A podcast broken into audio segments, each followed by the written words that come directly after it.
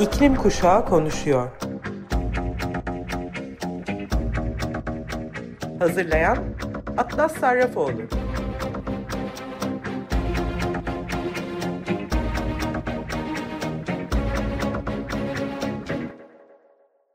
Merhaba Sayın Açık Radyo dinleyicileri. İklim Kuşağı Konuşuyor programına hepiniz hoş geldiniz.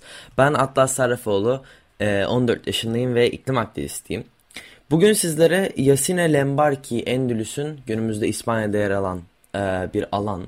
Eski Arap İslam kültürünün ve Kuzey Afrika Amazing Bedevi Berberi göçebelerinin kültürünün her iki kökünde paylaşan 30 yaşında bir Latin Afrikalı Arap. Ayrıca nöroçeşitlilik açısından da uzman spektrumda birisiyle röportajımı paylaşacağım. Şu anda yaşadığı yer e, ve Fas Krallığı'nın en güzel şehri olarak da söylendiği başkent Rabat'ta doğmuş. Lisanslı bir fizyoterapist aynı zamanda yabancı dil öğretmeni olarak da boş zamanlarında ek gelir kazanmak için çoğunlukla İngilizce ve Türkçe öğretiyor. İklimle ilgili çalışmalarını e, kendini kesinlikle bir plastik kirlilik karşıtı ve iklim adaleti meraklısı olarak adlandırıyor. Lembarki ile iklim krizinin ülkesindeki etkilerini ve çalışmalarını konuştuk. İklim krizinin Fas'ta başlıca etkileri nelerdir? Fast World News'a göre Afrika'nın çoğunda olduğu gibi Fas'taki iklim krizinin başlıca etkileri daha yüksek sıcaklıklar, azalan yağışlar ve aşırı hava olaylarının şiddetinde artış olarak kendini gösteriyor. Ekonomik faaliyetlerin e, çoğu kıyıya yakın olduğundan Fas, tarım, balıkçılık, su kaynakları, turizm ve ülkenin eşsiz ekosistemleri için gerçek bir tehdit oluşturan deniz seviyesinin yükselmesine karşı özellikle savunmasız. İklim aktivizmine dahil olmaya nasıl başladın? Her aktivist gibi benim de daha iyi bir gelecek için bu mücadeleyi başlatmak adına benzersiz bir nedenim vardı. Ama onlardan farklı olarak beni değişim e, talep etmeye iten şey yerel yönetimin hareketsizliği değildi. Tam tersi gerçekten de öyle ya da böyle bana ilham veren kesin önlemler alma konusundaki erken kararlılıkları ve sonuçlarıydı.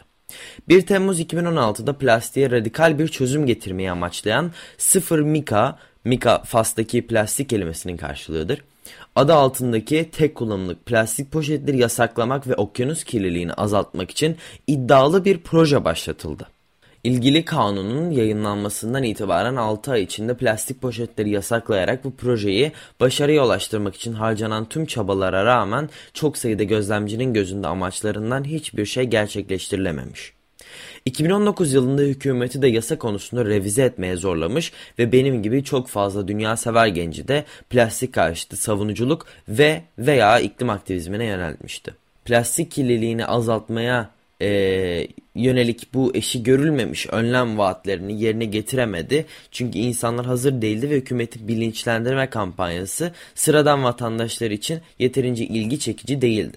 Muhtemelen yeni neslin e, çevre için harekete geçmeye yönelik dikkatli bir ilham kaynağı benim de dahil olmak üzere çok sayıda genç Faslıyı bu mücadelede sesimize gerçekten ihtiyaç duyduğunu, politika yapıcıların doğru şeyi yapmak için harekete geçseler bile plastiksiz bir Fas'ın çevreden ve doğal yaşam alanımızdan sorumlu hisseden plastiksiz vatandaşlara ihtiyacı olduğu konusunda kamuoyu olmadığı sürece başarılı olmadığını anlamaya zorladığı yerde. Ve eğer talep etsem ve geleceğim buna bağlıysa tüm geleneksel faslı aileler gibi benim ailem de plastikten vazgeçmeye hazırdı. Aynı zamanda neredeyse benim gibi sıradan biri bile daha az duş küresel kampanyasından başka dünya mücadelesi hakkında bir şey bilmiyordu. Bu yüzden farkındalığı arttırmak ve daha yeşille geçişi e, yani daha sürdürülebilir bir fası kastediyorum kolaylaştırmak için ihtiyaç duyduğunu hissettim.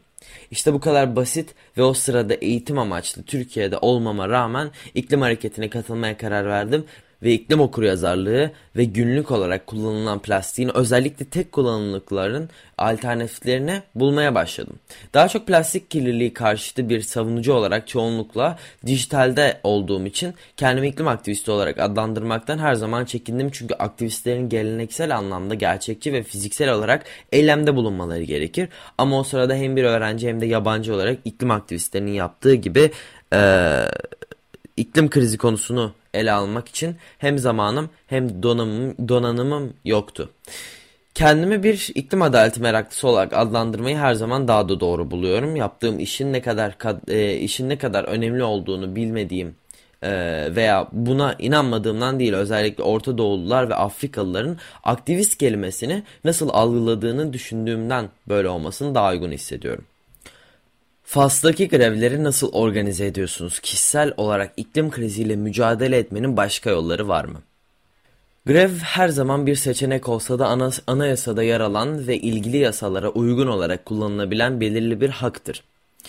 Şu anda bulunduğum yerde şu anda böyle bir eyleme ihtiyacımız yok çünkü hükümetin çevrenin korunmasına yönelik taahhüdü küresel eylem e, küresel eylem oranları ile karşılaştırıldığında zaten yeterli ve bu konuda farklı alanlarda uzla, uzmanlaşmış devlet kurumları ve STK'lar tarafından gerektiğinde hükümetle temasa geçerek belirli bir çevre veya çevreyi etkileyen karara karşı tavsiyede bulunmak veya uyarmak için kontrol altında ve dengede tutuluyor. Bence grev bundan sonra gelmesi gereken adımdır ve bu yolculuğa başladığımdan beri buna asla ihtiyaç duyulmadı. Ancak yine de bazen çoğunlukla halkı motive etmek ve karar vericileri doğru yolda tutmak için grevler yaptık. Bunun yerine çoğumuzun ve bununla dediği bununla de, demek istediğim bir STK'nın veya derneğin parçası olmayan iklim aktivistlerinin, meraklılarının veya çevrecilerin yaptığı şey bu gücü başkalarını aynı şekilde e, motive etmek için kullanmak yerine başlangıçta küçük çevremizi değiştirmeye çalışmak. Ayrıca kendi ilgimiz ve genel fayda dahilindeki tüm olası faaliyetler için gönüllü oluyoruz. Ek olarak birebir ve dijital sohbet ortamlarında etkinliklere katılarak çok çok çeşitli küresel ve yerel toplulukları ve kuruluşları desteklemekten mutlu oluyoruz. Benzersiz hikayelerimizi anlatarak ve dijital yollarla iyi bir gelecek için küresel çeşitlilikte fikir birliği sağlamaya çalışıyoruz. Yukarıda belirttiklerim dışında e, kişisel olarak e, yaptığım şey esas olarak plastikten arınmış bir dünya için çalışmak. Plastik topluyorum ve plastik kullanımına karşı tavsiye verenleri takip ediyorum. 3 yıldır yaklaşık durdurak bilmeyen alternatifleri tanıtmak ve plastik ürünlerini özellikle tek kullanımlık olanları gündelik hayatımdan çıkarmak için uğraştığım bir deneyim sonucunda evim nihayet plastikten arındığı için dünyanın en gururlu insanıydım ve ayrıca bu bana insanların davranışlarını değiştirmenin ne kadar zor ama yine de imkansız olmadığını öğreten bir deneyim oldu. Ayrıca artık ünlü olan kara tahtamla her cuma farklı yerlere gidiyorum. Gençliğin önderlik ettiği Fridays for Future eylemleriyle, e, eylem e, grubuyla danışma içinde fotoğraf çekiyorum. Aynı zamanda dolaşan halkın meraklı bakışlarına ve sorularına da cevap veriyor. Sürdürülebilirliği teşvik etmek ve iklim bilincinde iletmeye çalışıyorum. Ancak asıl etki alanım dijital medya sanırım. Çünkü Twitter ve Instagram'da iklim okuryazarlığı sayfası olan @plus212 YouTube'un kurucusuyum. Sayfa çoğunlukla Faslılar, Meneme, e, Afrikalılar için e, Türkçe, Arapça ve İngilizce olarak iklim adaleti perspektifini tanıtan bir sayfa. Ve bu fikrin arkasındaki sebep bu e, verimli toplulukta e, birkaç ay geçirdikten sonra o zamanlar küresel iklim adaleti aktivizminde bir şekilde hatta çoğunlukla tek dilli olması sebebiyle sorun olduğunu fark etmemdi. İngilizce bilgisi az olan veya hiç olmayan insanlara etrafında neler olup bittiğini bilme şansı vermiyordu bu durum. En çok etkilenen insanların iklim krizinde olduğu gibi temel hizmetler çoğunlukla MAPA'nın hatası olmadığı halde eğitim yetersizliği sebebiyle nelere maruz kalabileceklerine veya zaten acı çektiklerinin nedenlerine dair asgari bilgiden yoksun bırakılmaları adaletsizdir. Hükümetinizin iklim kriziyle ilgili algısı nedir? Bir süredir ve birbirini takip eden hükümetler aracılığıyla Fas, iklim değişikliğinin olumsuz etkileriyle mücadele etmek için iddialı bir yolculuk yapıyor. Hatta Fas'ın küresel ısınmaya karşı ulusal planı PNLCRC 2019 ile iklim değişikliği stratejisi ve eylem planı geliştiren ilk ülkelerden biri olduğunu söylemek bile mümkün. Aynı, denen, aynı nedenle bir dizi uluslararası iklim anlaşması da onaylandı Ayrıca COP22'nin cömert ev sahibi olmakta çok mutluluk vericiydi. Bu planların uygulanması mükemmele yakın olmasa da mutlaka bazı zorluklarla karşılaşılsa da geçtiğimiz yıllardaki iklim politikası sayesinde Birleşmiş Milletler Mukim Koordinatörü tarafından Fas'ın iklim eylemi girişimlerinde kilit bir lider olduğu şekilde tanımlandı. Fas iddialı bir sera gazı emisyonu azaltma programı ve doğal kaynakların korunmasına yönelik stratejiler aracılığıyla sera gazı emisyonlarını 2030 yılına kadar %45,5 oranında azaltmayı ve aynı yıl içinde enerji karışımında yenilenebilir enerjinin %52'sini elde etmeyi planlıyor. Bu çok fazla görünmese de tüm Afrika kıtası gibi iklim krizine önemli bir katkısı olmamasına rağmen Fas'ın şu anda 1,5 derece küresel hedefiyle geleceğin iyi bir göstergesi olarak ulusal olarak belirlenmiş katkıya NDC uygun birkaç ülkeden biri olduğunu unutmamalıyız. Faslı bir iklim aktivisti olarak hükümetinizden, politikacılarınızdan talepleriniz nelerdir? Karar vericilerden isteklerimi 5 maddede özetleyebilirim. Daha fazlası değil. Daha az kömür ve daha fazla yenilenebilir enerji. Daha az plastik ve daha fazla geri dönüşüm. Daha az araba, daha çevreci toplu taşıma. Daha az anlaşmazlık, daha fazla toplu eylem ve halkın, gençlerin tüm sürece daha fazla katılımı. Ülkendeki en önemli iklim olayı ne şekilde kendini gösteriyor? Ayrıca lütfen MAPA olmanın senin için ne anlama geldiğini söyler misin? Pek çok iklim gözlemcisi ve benim gözümde tartışmalı olsa da Fas'ı etkileyen bir numaralı sorun çölleşme ve diğer tüm problemlerde bunu e, destekliyor. Toprakta artan tuzlanma sulanmanın artmasına ve birçok zengin ekosisteme sahip ülkede sulak alanların kurumasına, hayvanların yer değiştirmesine ve biyolojik çeşitliliğin kaybolmasına neden olan su kaynaklarının azalmasına ve hatta tükenmesine yol açtı. Tüm bunları eko, e, ek olarak da ekonomik ihtiyaçlardan dolayı artan ağır metal madenciliği de su kaynaklarını kirleterek ve, top, e, ve toprak erozyonuna neden olarak bu sorunu da daha da ağırlaştırdı. Bana göre MAPA'nın bir parçası olmak, işlemediğin bir günahtan dolayı cezalandırılmak ve onu işleyenden daha kötü olmak demektir. Ayrıca gelecekte yaşıyormuş gibi hissettiriyor. Bu, e, bu kaotik iklim krizinde mümkün olan en iyi versiyon Ugandalı genç aktivist Hamira Kobusinge'nin dediği gibi küresel kuzey için iklim krizi 20-30 yıl sonra gelecek. Ama bizim için Afrika'da günlük bir sorun. İklim değişikliği nedeniyle hali hazırda hayatlar kayboluyor. Evlerini terk etmek zorunda kalan mülteciler ve insanlarımız var. MAPA'nın bir parçası olmanın yanı sıra özellikle Afrika'dan olmak bu iklim adaletsizliğini daha geniş bir resimde görmemizi sağlıyor. Birleşmiş Milletler iklim değişikliği bilgi noktalarına göre Afrika önemli bir sera gazı emisyonu kaynağı değil. Kıtada enerji ve endüstriyel kaynaklardan kaynaklanan emisyon dünyadaki karbondioksit emisyonlarının sadece %4'ünü oluşturuyor. Ancak iklim krizine karşı en savunmasız kıta ve muhtemelen dünyadaki iklim krizinin en kötüsünü yaşayacak. Lütfen seni gelecekle ilgili umutlu hissettiren şeyin ne olduğundan da bahsedebilir misin? Aktivizmin için herhangi bir ilham kaynağın var mı? Hayattaki ilhamım ve beni geleceğe dair bu kadar umutlu hissettiren şey birbirinden farklı değil. Aslında ortak bir duygu. İnanç. Afrika'nın çoğu yerli halk tarafından atalarımdan miras aldığım inanç. Bizim çok inançlı bir kıta olduğumuz bir sır değil. Bu yüksek bir güce Afrika'nın çocuklarına ve güzel doğasına bakan, hayat veren bir enerjiye sahip olan aynı mistik inançtır. Kurtarılmayı bu kadar zorlaştırdığımızda bile bizi kurtarmak için her zaman devreye girecek olan odur. Çünkü her şeye muktedirdir. Hayat dediğimiz mucizeye olan inanç.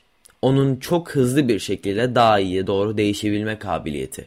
Küresel değişime öncülük eden insan devri, de, de, devlerinin yeni kuşağına korkusuz, vitessiz, küçücük, kocaman yüreklerine inanç. Gerçekten de insanlığın en kötü çağı olarak daha iyi tanımlanabilecek sonuçsal zamanlarda yaşıyoruz ama aynı zamanda belki de insanlık olarak en iyi çağ. Çünkü insanlık yalnızca en karanlık zamanlarda gelişir.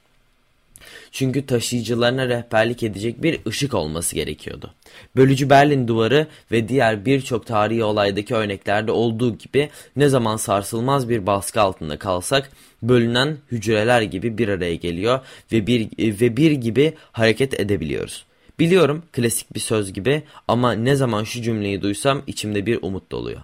İnanmaktan vazgeçme.